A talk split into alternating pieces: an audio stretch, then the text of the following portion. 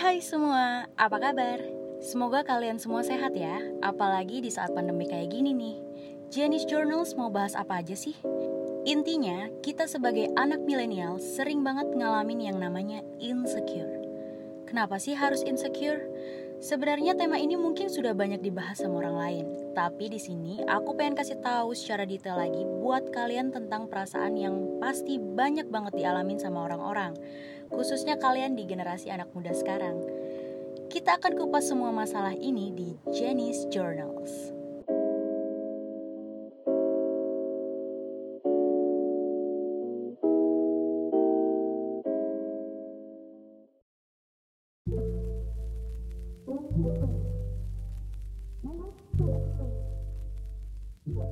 Sebenarnya insecure itu apa sih? Mungkin beberapa dari kalian masih ada yang kurang paham tentang insecure sendiri. So, kita langsung bahas aja sekarang, apa itu insecure. Perasaan insecure itu sendiri sebenarnya nggak terlalu kelihatan kan ya? Karena perasaan insecure itu adanya permasalahan dalam psikologis kita, yang orang lain nggak bisa melihat secara langsung. Jadi maksudnya itu, kita nggak bisa yang namanya asal menjudge bahwa si A insecure nih, si B juga insecure. Karena kita balik lagi, masalah insecure ini kita berbicara tentang perasaan seseorang. Dan jika kita ngomong tentang perasaan, hal ini sudah masuk ke faktor psikologi atau bisa dibilang gangguan dalam psikis kita. Insecure itu sendiri secara definisi merupakan gangguan mental health yang sebenarnya nggak ada penyebab pasti dari timbulnya gangguan ini.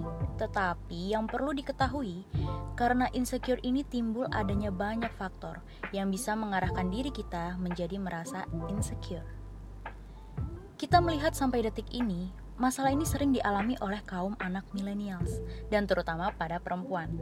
Tetapi tidak menutup kemungkinan nih teman-teman kalau insecure juga bisa dialami oleh para lelaki gangguan mental health seperti insecure ini sebenarnya berawal dari peristiwa traumatis atau bisa dibilang masa-masa krisis yang pernah kita alami. Contohnya saja, seperti perceraian, masalah dalam keluarga, ataupun merasa kehilangan. Rasa cemas yang berlebihan itu juga tidak baik. Semua yang berlebihan memang sebaiknya kita tidak terapkan dalam kehidupan kita. Rasa cemas timbul karena merasa hidupnya penuh dengan ketidakpastian. Nah, dengan adanya kecemasan yang berlebihan, itu juga bisa membuat kepercayaan diri kita semakin down. Merasa bahwa ada masalah terhadap tubuhnya, padahal sih nggak ada. Atau bahkan juga bisa membuat hidup kamu semakin tidak terarah dan merasa kamu sedang diabaikan oleh orang lain atau orang di sekitar kamu. Bisa dibilang, semua itu hanyalah ilusi atau perasaan kita saja yang berlebihan, yang nyatanya tidak sama sekali seperti itu, teman-teman. Perlu kita ketahui juga nih, guys, bahwa faktor lain yang bisa mempengaruhi diri kita menjadi insecure adalah adanya penggunaan sosial media secara berlebihan. Kok bisa? Pastinya bisa, teman-teman.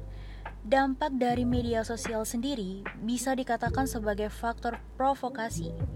Mengapa demikian? Karena dengan kondisi kecemasan yang sudah kita alami, ditambah lagi dengan ketika kita melihat posisi atau kondisi orang lain yang menurut kamu dia adalah orang yang paling sempurna.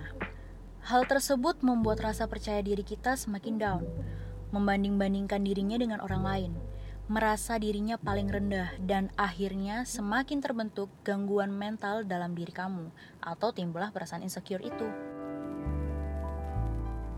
Selain itu, dengan masifnya penggunaan sosial media sekarang menimbulkan rasa iri dengan seseorang yang memposting kehidupan sosialnya secara wow pada publik. Pasti di antara kalian ketika melihat influencer, orang yang punya followers banyak di media sosial, ataupun gak usah influencer deh, dari kalangan teman kita aja yang kita lihat kehidupan sosialnya kelas atas banget di posting-postingan maupun di instastorynya. Pasti kita mikir, kenapa dia bisa sampai kayak gitu ya? Temennya banyak banget gak kayak aku kok aku gak bisa ya jadi kayak dia Nah, kecemasan-kecemasan itu muncul akibat dari kita takut tidak mampu melampaui kehidupan sosial diri kita dengan orang yang kita lihat di sosial media. Wajar sih kalau kita iri, namun kembali lagi, hal seperti itu tidak perlu kita pikirin dalam-dalam guys. Lagian yang menjalani hidup ini kan kita sendiri. Maka dari itu, Pentingnya jadi diri sendiri tanpa melihat bagaimana jalannya kehidupan orang lain kalau kita ingin menghindari perasaan insecure. Sebenarnya kalau kita jabarin lebih panjang lagi, banyak banget faktor-faktor lain yang bisa mempengaruhi terjadinya insecure pada diri seseorang. Salah satunya nih misalnya, kalian pernah dengar tentang middle quarter life crisis? Menurut aku sendiri, middle life crisis ini menjadi salah satu dampak besar mengapa orang mengalami rasa insecure. Bila kita balik lagi tentang insecure, insecure itu akan timbul ketika ada sesuatu yang salah dalam diri kita. Entah itu pada keluarga, teman, ataupun orang-orang terdekat lainnya. Dan middle life crisis sendiri adalah tahap di mana seseorang itu mulai menginjak usia produktif bekerja. Saat seseorang memasuki tahap ini, beberapa orang mungkin merasa bahwa dirinya lebih rendah dari orang lain Entah itu dilihat dari segi skill, pekerjaan, penghasilan, maupun gaya hidup sekalipun. Karena itu, orang yang merasa insecure akan berkecil hati, merasa apaan sih aku ini, payah banget, bodoh banget. Bahkan beberapa orang pada kasusnya rela menjauhkan dirinya dari lingkungan dengan cara resign dari pekerjaan atau keluar dari pekerjaannya. Circle atau lingkungan pertemanan dan berujung pada sifat antisosial. Memang sifat ini hanya sedikit kasusnya berujung sampai hal ekstrim seperti bunuh diri ataupun hal lain yang sangat merugikan banyak pihak. Namun bila dibiarkan terus ya, orang itu akan susah berkembang sampai perasaan itu hilang. Maka dari itu, balik lagi nih teman-teman, perlunya motivasi lebih dari orang-orang terdekat. Entah itu keluarga, sahabat, teman kantor, gebetan sekalipun, pacar, siapa pun itu deh, orang yang kamu percayai, yang mampu memberi kamu semangat. Jangan sampai putus asa bila merasakan sesuatu yang lebih rendah dari orang lain.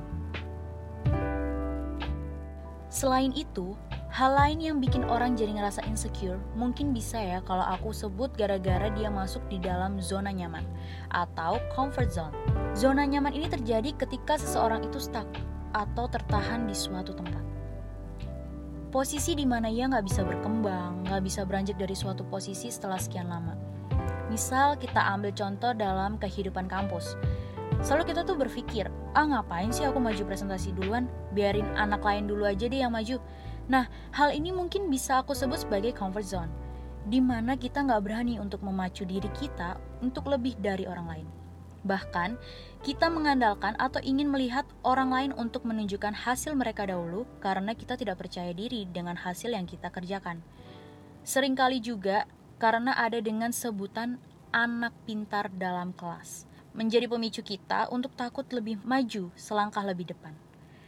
Definisi dari perasaan insecure sebenarnya sangat luas, guys. Dari hal-hal simple pun kita bisa melihat bahwa rasa insecure ini benar-benar hidup di sekeliling kita dan tanpa kita sadari sekalipun. Jadi, insecure sebenarnya nggak melulu tentang bentuk tubuh maupun kekurangan fisik. Kondisi di mana kita merasa lebih rendah dari orang lain itu sudah menjadi bentuk penyebab dari insecure. Merasa bahwa diri kita kurang berguna, tidak layak disandingkan dengan orang lain, ya begitulah insecure. Dan itulah mengapa insecure ini tergolong dengan gangguan mental health. Perasaan ini mungkin pada awalnya jika kita membiarkan akan biasa saja. Namun, jika kita berlarut-larut membawanya, ini akan menghambat hal atau semua kegiatan apa pun yang ingin kita lakukan. Itu dia penjelasan singkat dari insecure. So, jangan mau membawa diri kamu menjadi insecure ya. Tetap terus semangat, tinggalkan hal yang dapat merugikan diri kamu sendiri. Dan pastinya, pantengin terus di Janice Journals Podcast. See ya!